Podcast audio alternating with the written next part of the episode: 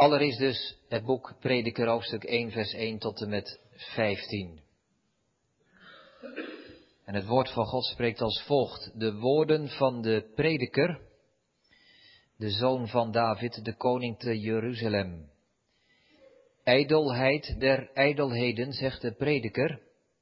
Ijdelheid der ijdelheden, het is al ijdelheid. Wat voordeel heeft de mens van al zijn arbeid die hij arbeidt onder de zon? Het ene geslacht gaat en het andere geslacht komt, maar de aarde staat in de eeuwigheid.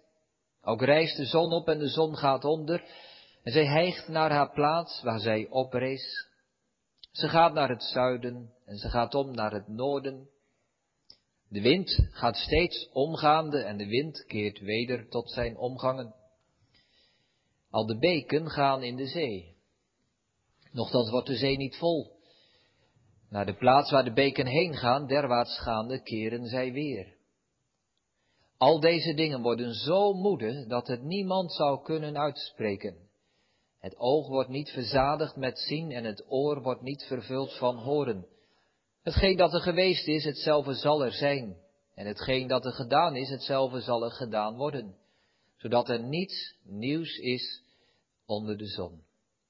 Is er enig ding waarvan men zou kunnen zeggen, zie, dat, het is nieuw. Het is al reeds geweest in de eeuwen die voor ons geweest zijn. Er is geen gedachtenis van de voorgaande dingen, maar van de navolgende dingen die zullen zijn, van dezelfde zal ook geen gedachtenis zijn bij degene die namaals wezen zullen. Ik, prediker, was koning over Israël te Jeruzalem en ik begaf mijn hart om met wijsheid te onderzoeken en na te speuren al wat er geschiet onder de hemel. En deze moeilijke bezigheid heeft God aan de kinderen de mensen gegeven om zich daarin te bekommeren. Ik zag al de werken aan die onder de zon geschieden en zie, het was al ijdelheid en kwelling des geestes. Het kromme kan niet recht gemaakt worden en hetgeen dat ontbreekt kan niet geteld worden. Wij lezen verder in Romeinen hoofdstuk 8.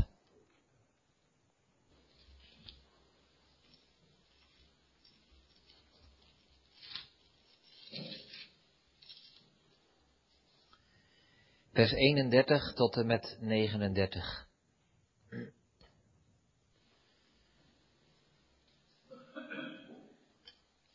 Romeinen hoofdstuk 8 vanaf vers 31. Wat zullen wij dan tot deze dingen zeggen? Zo God voor ons is, wie zal tegen ons zijn? Die ook zijn eigen zoon niet gespaard heeft, maar heeft hem voor ons allen overgegeven. Hoe zal hij ons ook met hem niet alle dingen schenken? Wie zal beschuldiging inbrengen tegen de uitverkorenen God? God is het die rechtvaardig maakt. Wie is het die verdoemt? Christus is het die gestorven is. Ja, wat meer is, die ook opgewekt is. Die ook ter rechterhand Gods is. Die ook voor ons bidt. Wie zal ons scheiden van de liefde van Christus? Verdrukking, of benauwdheid, of vervolging, of honger, of naaktheid, of gevaar, of zwaard. Gelijk geschreven is, want om uwentwil worden wij de ganse dag gedood. Wij zijn geacht als schapen der slachting. Maar in dit alles zijn wij meer dan overwinnaars, door Hem die ons lief gehad heeft. Want ik ben verzekerd dat nog dood, nog leven, nog engelen, nog overheden, nog machten, nog tegenwoordige, nog toekomende dingen, nog hoogte, nog diepte, nog enig ander schepsel ons zal kunnen scheiden van de liefde van God, welke is in Christus Jezus, onze Heere. En tenslotte lezen wij zondag 10 uit de Heidelbergse catechismus. Vraag dan woord 27 en 28. Wat verstaat gij door de voorzienigheid van God? Antwoord de almachtige en alomtegenwoordige kracht van God, waardoor hij hemel en aarde met schades alle schepselen, gelijk als met zijn hand nog, nog steeds onderhoudt en zo regeert, dat loof en gras, regen en droogte, vruchtbare en onvruchtbare jaren, spijze en drank, gezondheid en ziekte, rijkdom en armoede en alle dingen niet bij geval niet door het toeval, maar van zijn vaderlijke hand ons toekomen. Waartoe dient ons dat wij weten dat God alles geschapen heeft en nog door zijn voorzienigheid onderhoudt? Dat wij in alle tegenspoed geduldig, in voorspoed dankbaar zijn mogen. En in alles dat ons nog toekomen, nog overkomen kan, een goed toevoorzicht, vertrouwen hebben op onze getrouwe God en Vader. Dat ons geen schepsel van zijn liefde scheiden zal. Aangezien alle schepselen zo in zijn hand zijn dat zij tegen zijn wil zich nog roeren, nog bewegen kunnen. Tot zover. Geweten, wij schrijven boven de preek als het thema voor deze dienst voorzienigheid voor zoekers naar zin en zekerheid. Voorzienigheid voor de zoekers naar zin en zekerheid. Drie gedachten. De catechisme spreekt over de voorzienigheid als een vervolgstuk. Ten tweede, de voorzienigheid spreekt over de, de catechisme spreekt over de voorzienigheid als een leerstuk. En ten derde, de catechisme spreekt over de voorzienigheid als een levensstuk. Wij denken na over de catechismus en wij zien daarin dus drie dingen. Het is een vervolgstuk, een stuk dat volgt op zondag 9.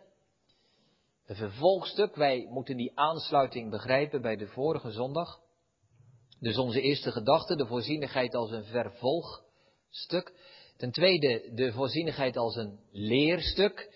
Vraag dan wordt 27. Wat verstaat gij? Wat bedoel je daarmee? Hoe begrijp je de voorzienigheid? Dat, dat is iets wat wij moeten leren en moeten weten.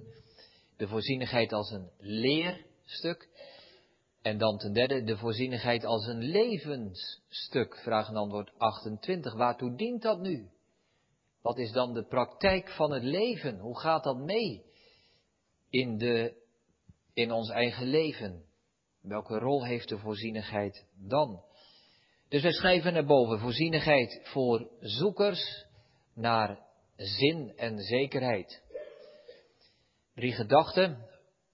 De catechisme spreekt over voorzienigheid als een vervolgstuk, als een leerstuk en als een levensstuk. Gemeente, een kleine tien jaar geleden verscheen er een boek met deze titel komt een vrouw bij de dokter. De auteur van dat boek beschrijft hoe zijn vrouw naar de arts toe gaat, de jonge vrouw van in de dertig, en van de dokter te horen krijgt dat ze ongeneeslijk ziek is. Hij beschrijft in dit boek hoe zijn vrouw dat die weggaat van strijd, van vechten en uiteindelijk hoe zij sterven moet. Dat boek is meer dan 1 miljoen keer verkocht in Nederland. En talloze keren ook vertaald. En deze man heeft later nog een keer een boekje geschreven waarin hij terugblikt op dat hele proces van ziekte van zijn vrouw en wat er met hen gebeurde. Volstrekt niet christelijk en deze man nog steeds onchristelijk. En toch, hij zegt, in die tijd, toen mijn vrouw ziek was, als wij bij een boekhandel kwamen, dan pakten wij de boeken die gingen over godsdienst, over hogere machten, over invloeden in ons leven. New Age, boeddhisme, christendom, alles door elkaar.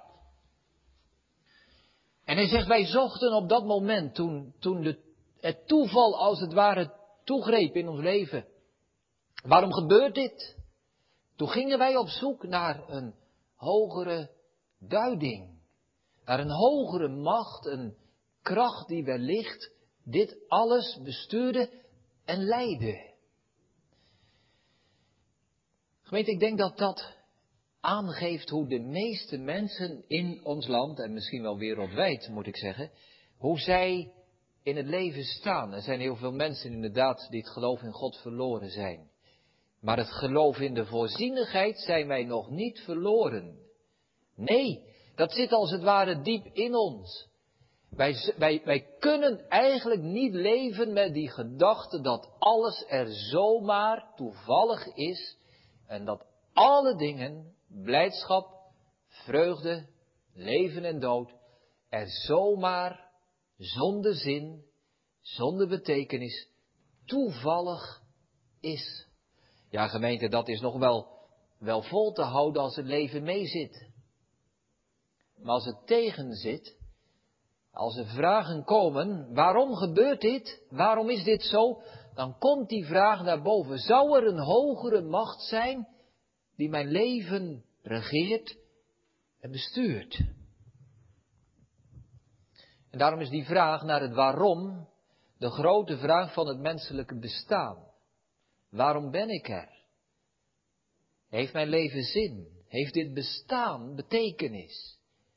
En daarom, die, die, die, eh, dat thema dat ik erboven heb gezet, wij zijn zoekers naar zin en zekerheid. Wij, wij moeten duiding hebben in dit leven, want het is een, het is een onbestaanbare gedachte dat echt alles er zomaar toevallig, betekenis, zinloos is. En daarom zien we dat weer opkomen in deze tijd. We noemen dat het ietsisme. Ja, er is wel iets. Er zijn wel wellicht hogere machten en krachten die ook mijn leven besturen.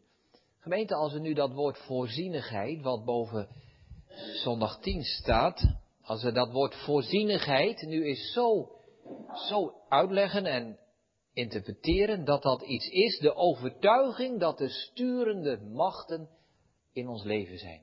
De overtuiging dat de sturende, hogere machten in ons leven zijn. Ik bedoel natuurlijk niet de regering, die stuurt ook een hoop. Nee, hogere machten, onzichtbare machten, die werkzaam zijn in ons leven. En die toch op een of andere manier werkzaam zijn op het wereldtoneel. En die overtuiging is wijdverbreid. Die zit als het ware in het menselijke bestaan ingebakken. En heel veel mensen die niet in God geloven en geen christen zijn, geloven toch in voorzienigheid. Velen zijn daar dus ook naar, naar op zoek. Hoe krijg ik inzicht in wat er gebeurt in mijn leven? En daarom dat zoveel mensen belangstelling hebben voor de horoscoop.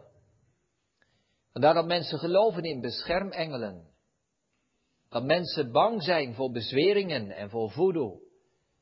Dat mensen benieuwd zijn naar glaasje draaien. Naar occultisme. Er zijn krachten die werkzaam zijn en die op verborgen wijze dit hele leven sturen en regeren. Iets bestuurt ook mijn leven. Want het is ondenkbaar dat alles maar zuiver toeval zou zijn. Een christen gelooft ook in voorzienigheid. Van de christelijke leerstukken gemeente is dit leerstuk misschien wel hetgene wat wij het makkelijkste aan anderen kunnen uitleggen. Want wat ik net zei, het zit eigenlijk in ieder mens. De gedachte dat er meer is dan alleen maar wat wij zien. Het kan niet dat er alleen maar toeval is. Dus dat is mooi in het gesprek met mensen om ons heen. Als wij een gesprek hebben over christelijk geloof, dan, dan is het nog niet zo'n rare gedachte om te beginnen bij die voorzienigheid. En toch gemeente, wij moeten daar wel, laat ik zeggen, alert zijn. Want als dat denken aan voorzienigheid ook in ons zit ingebakken, dan moeten wij niet zomaar denken dat wij goed beseffen wat nu het christelijke is aan ons denken over voorzienigheid. Wat verstaat gij door de voorzienigheid van God? Is de vraag. Laat ik het zo formuleren. Dat heidense denken aan voorzienigheid dat in ons hart en leven zit. Ja, dat hebben andere mensen ook. Maar voor wij het weten, gemeente, hebben we het echte christelijke denken over voorzienigheid ingeruild voor een heidense vorm van voorzienigheid. Laat ik het anders zeggen, wat is nu het echt christelijke aan het antwoord dat de catechismus geeft? Wat de Bijbel geeft. Het geloof in voorzienigheid is wijdverbreid, maar wat is nu het unieke aan het christelijke geloof in voorzienigheid? Wel gemeente, daarvoor moeten wij de aansluiting zien met zondag 9. Onze eerste gedachte, de voorzienigheid als, ik heb het maar zo genoemd, als een vervolgstuk in zondag 9 ging het over God als schepper. Zondag 10 gaat over God in zijn voorzienigheid. De oudere theologen noemden de voorzienigheid wel de voortdurende schepping, de voortgezette schepping. Dat hoort dus bij elkaar. Als we naar de twaalf artikelen kijken, dan komt daar het woord voorzienigheid niet in voor. Toch hebben de opstellers van de catechismus gezegd, wij wijden een aparte zondag aan die voorzienigheid en we doen dat in aansluiting bij de schepping. Schepping en voorzienigheid horen dus samen. Wat is dus het bijzondere aan het christelijke voorzienigheidsgeloof? Dat wij geloven niet in een macht, maar in God als de schepper. Die regeert, die stuurt, die voorzienig is. Ja. En toch gemeente, ik zeg er nog iets, iets bij, iets extra. We hebben daar de vorige keer al bij stilgestaan bij zondag 9, maar dat is zo belangrijk dat ik het wil herhalen. Zondag 9 omschrijft God de schepper niet al in het algemeen. Er is een God die schepper is. Nee, de eeuwige Vader, zo begint het antwoord van 26, de eeuwige Vader van onze Heere Jezus Christus, is, omwille van zijn Zoon, mijn God en mijn Vader. En daar hebben we het hart van de christelijke voorzienigheid. Wat is ware christelijke voorzienigheid, gemeente? Wat geloven wij als wij zondag 10 beleiden? In een God die ergens onzichtbaar op verborgen wijze alles bestuurt? Ja, maar veel specifieker, veel preciezer, veel nadrukkelijker. Wij geloven dat de God en Vader van Jezus Christus, die door het geloof ook mijn God en mijn Vader is, dat Hij alles op deze wereld bestuurt. En dat is belangrijk, gemeente, want anders dan blijven wij hangen in dat heidense voorzienigheidsgeloof. Dan zeggen we, ja, God bestuurt alles. Punt. Is God dan een soort Noord-Koreaanse dictator die alles bestuurt? Die je niet persoonlijk kent, maar die alles in de gaten houdt en alles bijhoudt en alles regelen wil? Nee, gemeente. De God van de voorzienigheid is, de, is mijn vader. Dat is niet een dictator, maar dat is mijn vader die mijn leven leidt, die als het ware mij bij de hand neemt. En die zegt, kom maar jongen, wij zullen samen door het leven gaan. Ik zal jou leiden, ik zal jou sturen. Dat is het christelijke aan, aan dit antwoord, aan ons geloofgemeente, dat het, dat het de God en Vader van Jezus Christus is. Dat het mijn God en mijn Vader is, die mijn leven leidt bestuurt, regeert, brengt naar het doel, zin en zekerheid geeft. En dan de vraag gemeente aan ons. Kent u dat? Ken jij dat? Kun je dat uitspreken en zou je dat beleiden? Ik zei net, stel je voor dat je een gesprekje hebt met iemand en je begint bij, bij de voorzienigheid. Een makkelijk begin. Maar mag u, mag jij ook zeggen, ja, ik geloof dat mijn hemelse vader, mijn vader, mijn leven bestuurt. Of is het een toch eigenlijk een soort heidens noodlot gedachte? Ja, God bestuurt nu eenmaal alles. Ja. Nee, gemeente, dat heeft weinig of helemaal niks met zondag 9 en zondag 10 te maken. Er zijn wel mensen die zeggen, ja, op grond van zondag 10 mag je dit niet doen en mag je dat niet doen en moet je zo leven en moet je zo leven. Als wij die overtuiging hebben, goed gemeente, maar ik stel er wel een vraag bij. Komt die overtuiging voort uit dit geloof in God als mijn Vader door Jezus Christus? Anders dan, dan hebben wij een heidens voorzienigheidsgeloof met een christelijk sausje. Dan zijn we niet anders als die mensen die geloven in onbestemde vage krachten die het leven leiden. Nee, gemeente. Mogen wij dat weten? Dat alles wat er in dit leven gebeurt, niet door het toeval gebeurt, nee, dat er een voorzienige kracht is, ja, maar wie dan? Mijn vader. Mijn vader doet dat. Alleen als wij dat zien, hebben wij de toon getroffen, de goede toon. Om te gaan spreken over voorzienigheid. Als dat er niet in is, gemeente, dan zijn we eigenlijk maar, maar heidens in ons geloof. Dan zijn we ook ietsisten. Er is iets. Maar ik ken dat iets niet. Ik ken Hem niet. De God en Vader van Jezus Christus. Die door het geloof in Zijn Zoon mijn Vader geworden is. Gemeente, ziet u dat wij, hè, wij hebben soms de neiging om, om de godsdienst in twee delen te hakken. En we hebben de voorzienigheid en we hebben de verzoening. Ja, en die verzoening door de Heer Jezus, dat, dat is zo hoog, dat is zo moeilijk. Maar we hebben wel de voorzienigheid en wij proberen ons leven daar naar in te richten en dit en dat te doen en zo. Maar dat kan niet, dat is een eenheid. Wij kunnen de voorzienigheid pas beleiden en daarna leven als wij verzoend zijn met die God door Jezus Christus. En daarom onze eerste gedachte, voorzienigheid als een vervolgstuk. Wij kunnen zondag 10 alleen bespreken als wij weten dat het gaat om de God en Vader van Jezus Christus, die om zijn Zoons Christus wil, mijn God en mijn Vader geworden is. We gaan naar onze tweede gedachte, de voorzienigheid als een leerstuk. En daarmee duid ik aan wat er staat in vraag en antwoord 27. De vraag luidt, wat verstaat gij? Wat verstaat gij? Hoe, hoe leren wij dat eigenlijk? Begrijpen wij dat ook? Daarna in vraag 28 komt een levensstuk. Ja, maar en wat, wat betekent dat nu voor de praktijk van ons leven? Ja, maar voordat wij naar 28 gaan, komt 27 aan de orde. Wij kunnen niet gaan vragen hoe wij dat beleven, als wij niet weten wat wij daarmee verstaan, wat ermee bedoeld wordt.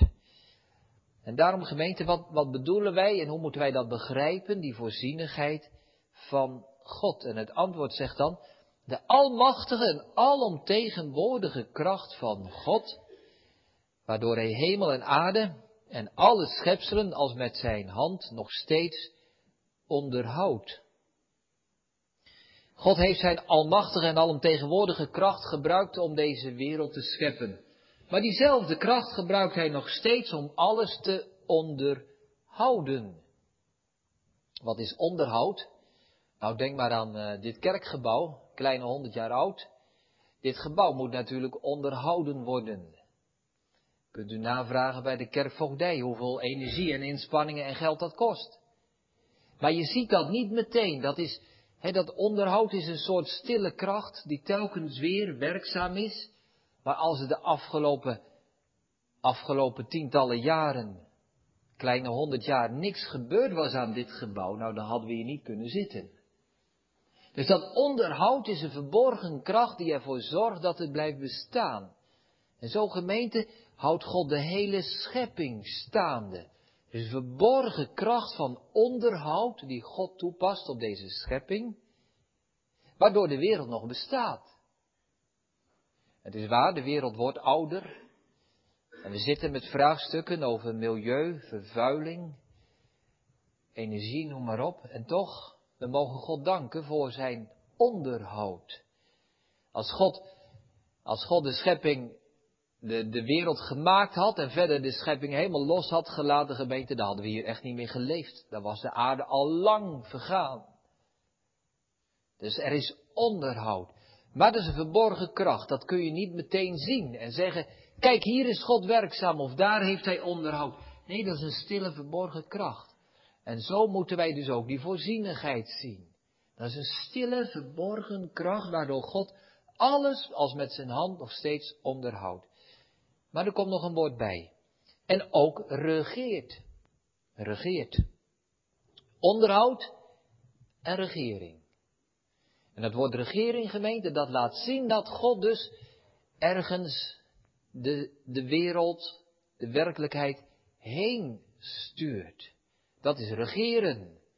Regeren is vooruitzien, zeggen wij. Voorzienigheid, vooruitzien. God ziet vooruit. God regeert. God brengt heel deze wereld naar een doeleinde. God heeft een bestemming. God geeft zin aan deze wereld. Dat is zijn regering. Ook daarvan geldt gemeente, dat kun je niet zomaar zien. Niet zomaar zien. Maar het is er wel. Dat geloven wij, dat verstaan wij door de voorzienigheid van God. Dat God deze wereld niet zomaar wat laat bestaan en bewegen. Nee, God regeert het, God stuurt het naar een doel. Maar juist dan, gemeente, is het ver, verrassend om te zien hoe God dat doet. En wat gebruikt God dan voor middelen om deze wereld te regeren? Dan staat er dat loof en gras, regen en droogte, vruchtbare en onvruchtbare jaren, spijs en drank, eten en drinken, gezondheid en krankheid, rijkdom en armoede en alle dingen. Wij hadden eigenlijk misschien verwacht dat voorzienigheid, dat is, hè, dat is die bijzondere gebeurtenis in je leven die niemand had verwacht. Dat is Gods voorzienigheid. Maar er staan hier helemaal geen bijzondere dingen bij. Dit zijn de gewone processen van het leven. Regen en droogte. Vruchtbare en onvruchtbare jaren, het wisselt elkaar af. Eten en drinken, gezondheid en ziekte, rijkdom, armoede. Er klinkt niet zoveel bijzonders in door. Nee, gemeente, voorzienigheid gaat niet ook allereerst over wonderen en gebedsverhoringen en uitreddingen en onvoorstelbare gebeurtenissen. Nee, het zijn de gewone processen van deze schepping. Dat is Gods voorzienigheid. Als wij geloven in Gods voorzienigheid, geloven wij dus niet in het uitzonderlijke en het aparte en het onverwachte, maar wij geloven dat God in de gewone dingen van deze wereld regeert en stuurt en leidt. En daarom, en daarom moeten wij ook de middelen gebruiken. Ik hoop dat u die stap, die denkstap mee kunt maken. Als God de gewone processen inschakelt en gebruikt, dan vraagt Hij ook van ons dat wij de gewone middelen gebruiken. Dat is ook geloof in Gods voorzienigheid. Als wij geloven in Gods voorzienigheid, betekent dat niet dat de gewone middelen verboden zijn, maar geboden. Wij moeten de middelen gebruiken. Ursinus, de opsteller van de catechisme, zegt in zijn verklaring, God heeft besloten om de middelen als tweede oorzaken te gebruiken. En daarom geeft hij aan ons het bevel om de middelen te gebruiken. Laat ik een paar voorbeelden geven, gemeente. Uit het gewone leven en uit het geestelijke leven. Levensmiddelen, geneesmiddelen, genademiddelen. Levensmiddelen. Wij moeten eten en drinken, levensmiddelen gebruiken. Ja, zegt iemand, maar als God bepaald heeft dat ik 80 jaar word, dan word ik echt 80 jaar. Al zou ik vandaag stoppen met eten, maar ik word 80 jaar. Maar... Nou, gemeente, dat is dwaasheid. God heeft ons de levensmiddelen gegeven en wij moeten de levensmiddelen gebruiken. Wij eten elke dag en wij drinken elke dag. En door dat alles heen, als God dat bepaald heeft dat u 80 wordt, dan wordt u 80. Maar wij moeten wel de levensmiddelen gebruiken. Geneesmiddelen. Stel je voor dat je ziek bent en de dokter komt en je zegt, eh, dokter ga maar weg, want God heeft bepaald dat ik beter word. Ik heb geen dokter nodig. Dwaasheid. We moeten de geneesmiddelen gebruiken. Want door die middelen heen werkt God, regeert God. Dat is voorzienigheid. God schakelt de middelen in. En dan nog dat derde woord dat ik noemde, de genademiddelen. De genademiddelen. Hoe kom ik tot Gods genade? Wel in zijn voorzienigheid als ik de genademiddelen gebruik. De genademiddelen gebruik, zoals ik leven krijg als ik levensmiddelen gebruik, zoals ik genezing krijg als ik geneesmiddelen gebruik. Gemeente, zo krijgt u genade als u de genademiddelen gebruikt. Dan moeten wij niet zeggen, ja, maar als God heeft bepaald dat ik zalig word, dan kom ik er wel. Nee, u moet de genademiddelen gebruiken. Dat is Gods voorzienigheid. Door die gewone middelen en door de gewone zaken die God heeft ingesteld, werkt God. En wat zijn dan die genademiddelen? Ja, zeggen de catechizanten dan altijd, dan moet je bidden. En dat is goed. Moet je Bijbel lezen? Ja, dat is goed. Dat zijn genademiddelen. Moet je naar de kerk gaan? Ja, dat is goed. De gemeente, als ik één genademiddel zou willen noemen vanmiddag, het grootste genademiddel dat er is, dat God ons gegeven heeft, dat is de Heer Jezus Christus zelf. Het genademiddel bij uitstek. Dat God aan deze wereld gegeven heeft. En dat wij mogen, met eerbied, mogen gebruiken. Mogen steunen op de Heer Jezus. Dat is het genademiddel. Dat gebiedt God ons. Om dat genademiddel te gebruiken zoals wij geneesmiddelen en levensmiddelen gebruiken. Onze tweede gedachte. Voorzienigheid als een leerstuk. Ik vat het samen gemeente. Wat leren wij? Wat geloven wij? Wat beleiden wij over deze voorzienigheid? Dat God op verborgen voor ons onzichtbare wijze deze wereld onderhoudt en regeert. Staande houdt, maar ook brengt naar een doel. En om dat doel te bereiken vraagt hij van ons dat wij de middelen gebruiken. We hebben, laat ik het zo zeggen, we hebben daarin onze eigen verantwoordelijkheid. Gods voorzienigheid werkt niet buiten uw en jouw verantwoordelijkheid om, integendeel. Als wij die middelen gebruiken, als wij geloven dat God door alles heen regeert, dan geloven wij dat alle dingen, zo eindigt dat antwoord, niet door het toeval, niet bij geval, maar van zijn vaderlijke hand ons toekomen.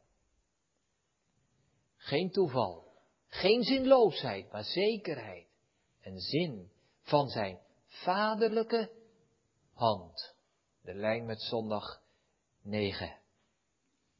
Wij gaan naar onze derde gedachte. Voorzienigheid als een levensstuk. En nu de praktijk. Waartoe dient ons, zegt de vraag, waartoe dient ons dat wij weten dat God alles geschapen heeft en nog steeds door zijn voorzienigheid onderhoudt? Ja, dan komt het leven gemeente, want de dogmatiek is geduldig. We kunnen hoop beleiden en we kunnen hoop uitleggen en verstaan, maar het leven is weerbarstig. Het leven is moeilijk.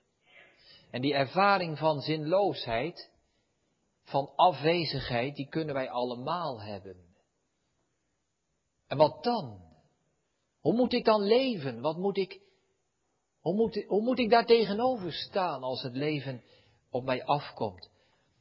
Wel, dat antwoord gebruikt drie woorden. Ik ga dat zo meteen nog even wat nader langslopen, maar drie woorden die de kern vormen van het antwoord. Wij moeten geduldig zijn, wij moeten dankbaar zijn, wij moeten vertrouwend zijn. In de ene situatie geduldig, in de andere dankbaar, in de andere vertrouwend, dat weet ik, ga ik zo toelichten. Maar die drie woorden haal ik er even uit. Geduldig, dankbaar, vertrouwend. En er vallen twee dingen op, gemeente. Dit zijn alle drie, laat ik daarmee beginnen, zijn alle drie positieve woorden. geduldig, dat je het volhoudt. Dankbaar, vertrouwend. Er zit geen spoortje in van, van straf. Gods voorzienigheid is straffend en beoordelend en beangstigend. Ja, God, God heeft alles in zijn ijzeren vuist. God leidt alles, er is geen ontkomen aan die voorzienigheid. Nee, gemeente, helemaal niks. Geduldig, vertrouwend, dankbaar. Positieve woorden. Dus het leerstuk van de voorzienigheid is bedoeld als een troost. Om ons te helpen in dit moeilijke en zware leven. En dan nog een punt, deze drie woorden zijn zaken van het hart. Er komt niets in dit antwoord dat zegt, als, als God dan deze hele wereld stuurt en regeert, nou dan moeten we dit doen en dan mogen we dat niet doen en dan moeten we dat laten.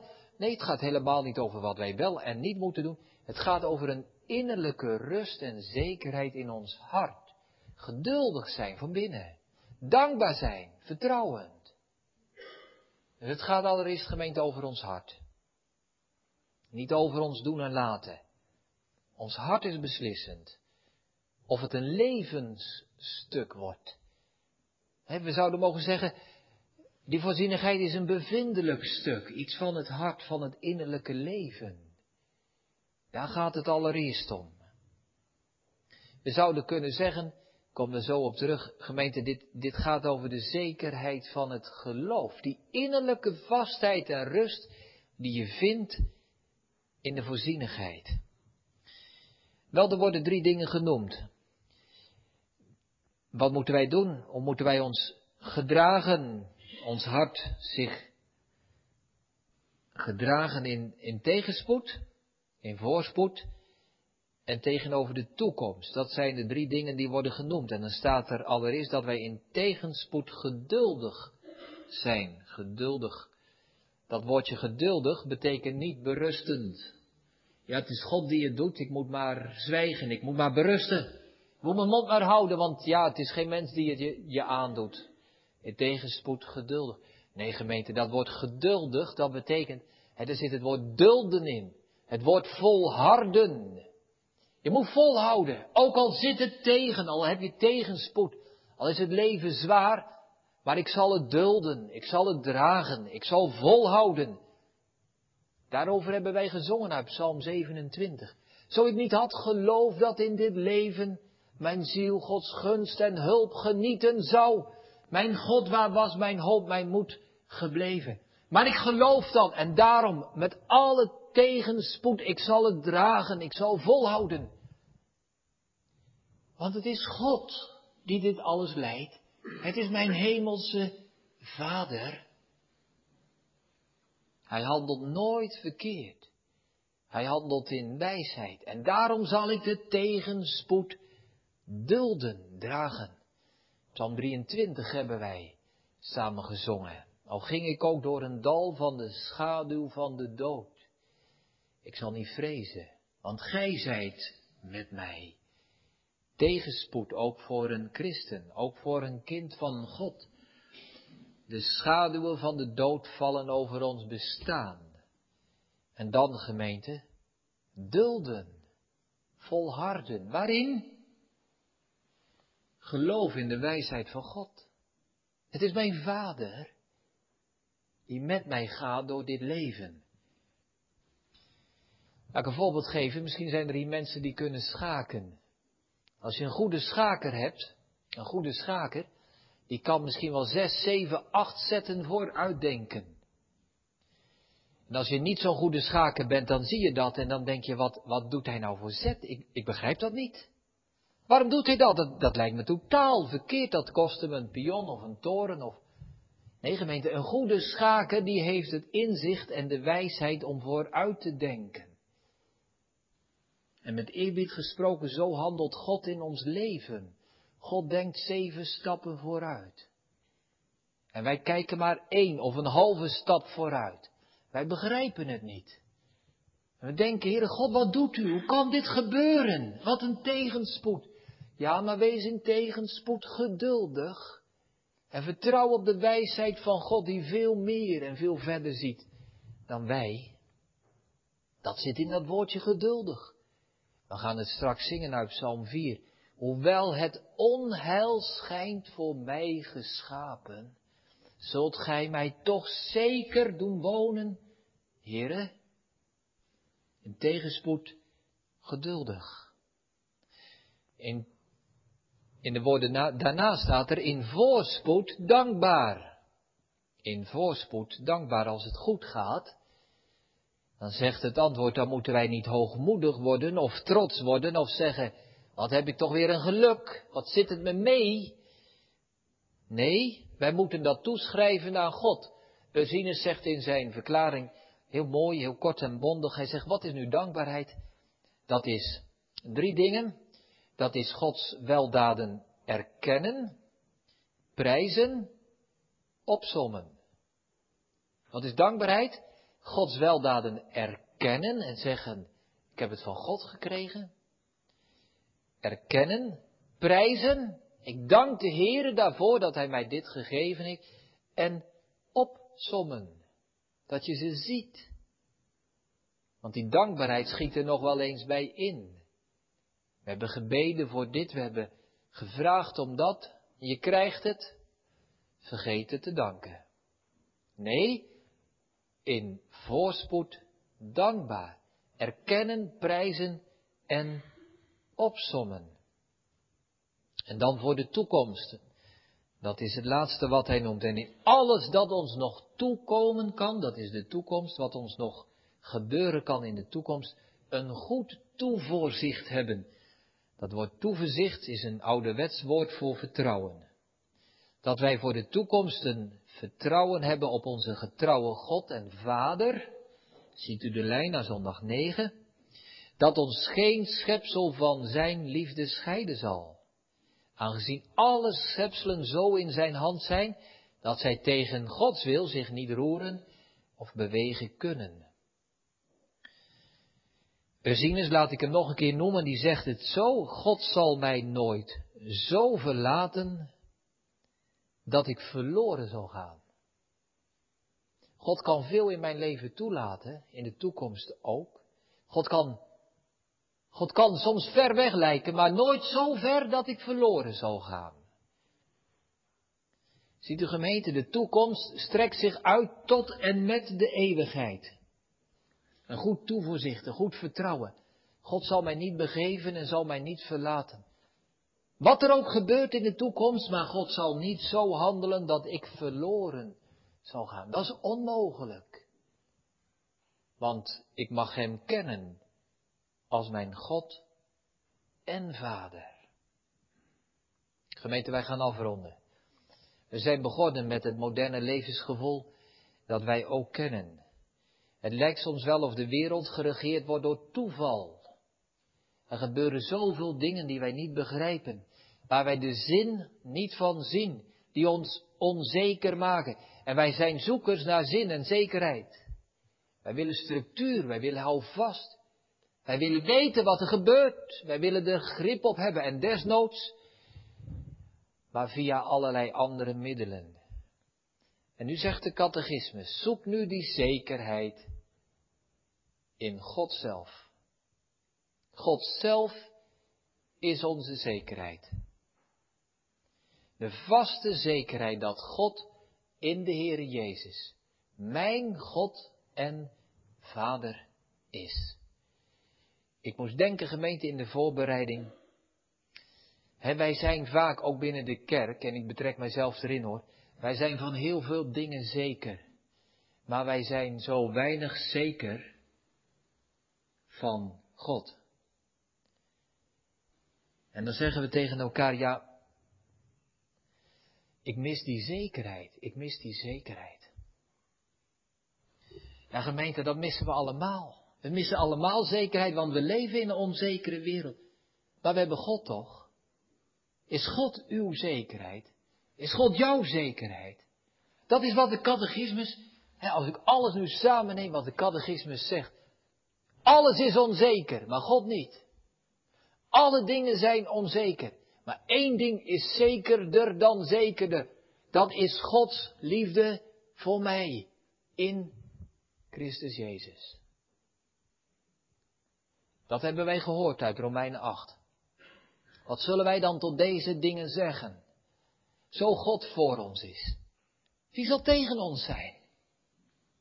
Wat er ook gebeurt, maar, maar als wij God aan onze zijde hebben, die zijn eigen zoon niet gespaard heeft, maar voor ons overgegeven, opdat wij door zijn zoon ook hem zouden mogen kennen als onze vader. Hoe zal hij ons met hem niet alle dingen schenken? Alles. Heel dit leven met al zijn onzekerheid ligt vast in God zelf. Wie zal ons scheiden? Wie zal ons scheiden van de liefde van Christus? Eén ding is zeker. Christus heeft ons lief. Verdrukking of benauwdheid, of vervolging, of honger, of naaktheid, of gevaar, of zwaard. Ja, gemeente, het overkomt ons. Het is werkelijkheid, want we leven in een onzekere wereld. Het lijkt wel alsof het toeval regeert. Maar in dit alles zijn wij meer dan overwinnaars door Hem die ons heeft liefgehad. Want ik ben verzekerd, daar komt dat woord, ik ben verzekerd dat nog dood, nog leven, nog engelen, hogere machten, nog overheden, nog machten, nog tegenwoordige, nog toekomende dingen, nog hoogte, nog diepte, nog enig ander schepsel ons zal kunnen scheiden van de liefde van God in Christus Jezus, onze Heere. Ja, ik mis die zekerheid, zeggen wij. Nee, gemeente. Er is maar één zekerheid in dit leven. Dat is God zelf. En als wij God niet hebben, ja, dan hebben we niets. Dan hebben we geen zekerheid. Dan valt alles ons uit handen. Dan kan het ons aanvliegen. Misschien dat ik, misschien dat u of jij morgen de boodschap krijgt dat je ongeneeslijk ziek bent. Misschien dat wij van de week het, het leed en het verdriet als een golf over ons heen krijgen. Misschien dat geliefden ons ontvallen. Misschien dat wij gaan zingen deze week vanuit de praktijk van het leven. Dat het wel lijkt of het onheil voor mij is geschapen. Gemeente, wat houdt u, wat hou jij dan nog over? Wat hebben we dan aan een leerstuk als het geen levensstuk is? Maar dit is het levensstuk. God is onze zekerheid. Zo zeker. Als we dat mogen zien. In zijn Zoon, de Heere Jezus Christus. En wat er dan ook gebeurt, gemeente. Aan blijdschap, aan verdriet. Aan tegenslag of voorspoed. Maar wat er ook gebeurt, dan gaat het altijd goed. Voor de toekomst. Dit vooruitzicht dat wat er ook zal gebeuren, maar ik kan niet meer verloren gaan. Want God staat aan mijn zijde. Ik eindig met een kort gedicht, een lied. Soms zink ik haast weg in een zee van verdriet. Soms ben ik onzegbaar verblijd. Maar wat er ook wisselt, dit ene toch niet. Ik heb vrede met God voor altijd. Amen.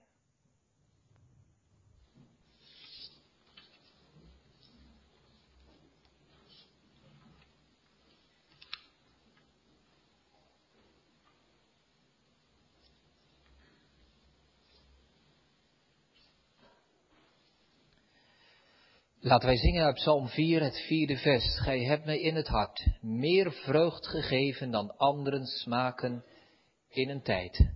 Psalm 4, vers 4.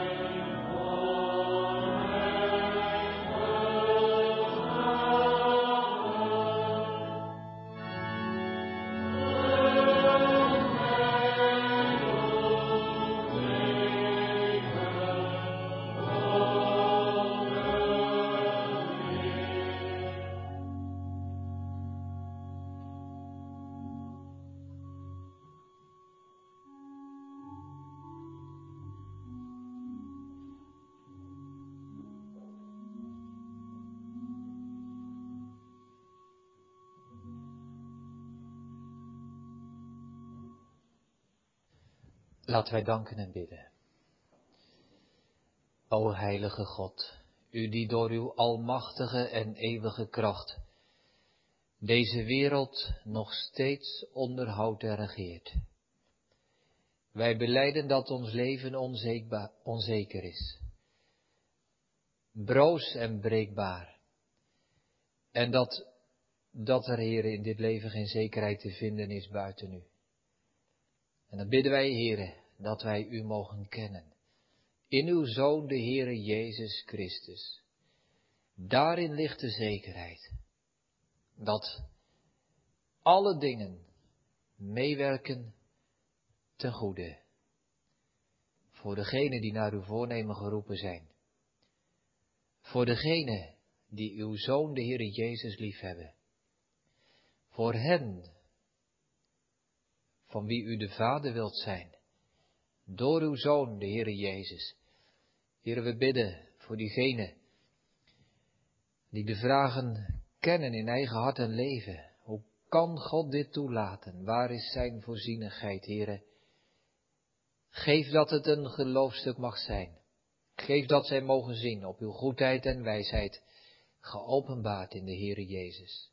En we danken u, Heere, dat wij het niet hoeven te doen met onze zelfbedachte zekerheden, maar dat wij u mogen kennen uit uw woord, dat u zich zo ook vanmiddag aan ons wilt openbaren. We bidden dat in ons aller hart dat geloof mag zijn, dat daarop rust. Heere, wees bij ons ook in de week die voor ons ligt. Geef ons een goede vergadering als wij bijeenkomen op de ledenvergadering. We bidden voor de broeders die op tweetal staan. Gedenk ze, Heere. Geef dat, dat ook daarin uw voorzienigheid aanwezig zal zijn. Ja, heren, we weten het, dat uw voorzienigheid ook door deze middelen heen zal worden verwezenlijkt. Breng ons volgende week weer samen onder uw woord. Geef een goede preekbespreking. We bidden en danken dit uit genade. Amen. Laten wij zingen Psalm 147, het zesde vers. Die hoe het ook mocht tegenlopen, gestadig op zijn goedheid hopen. O Salem, roem de Heer der Heren, wil uw God, o Sion, eren. Het is het zesde vers uit Psalm 147.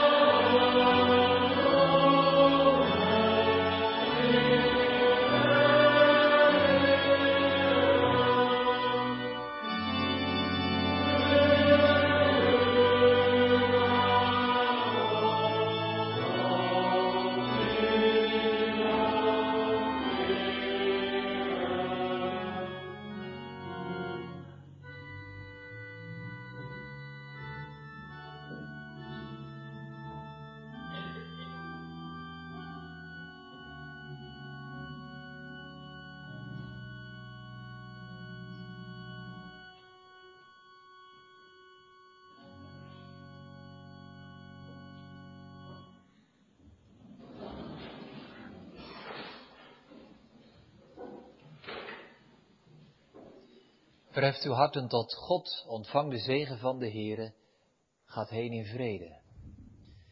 De genade van onze Heere Jezus Christus en de liefde van God en de gemeenschap van de Heilige Geest zij met u allen. Amen.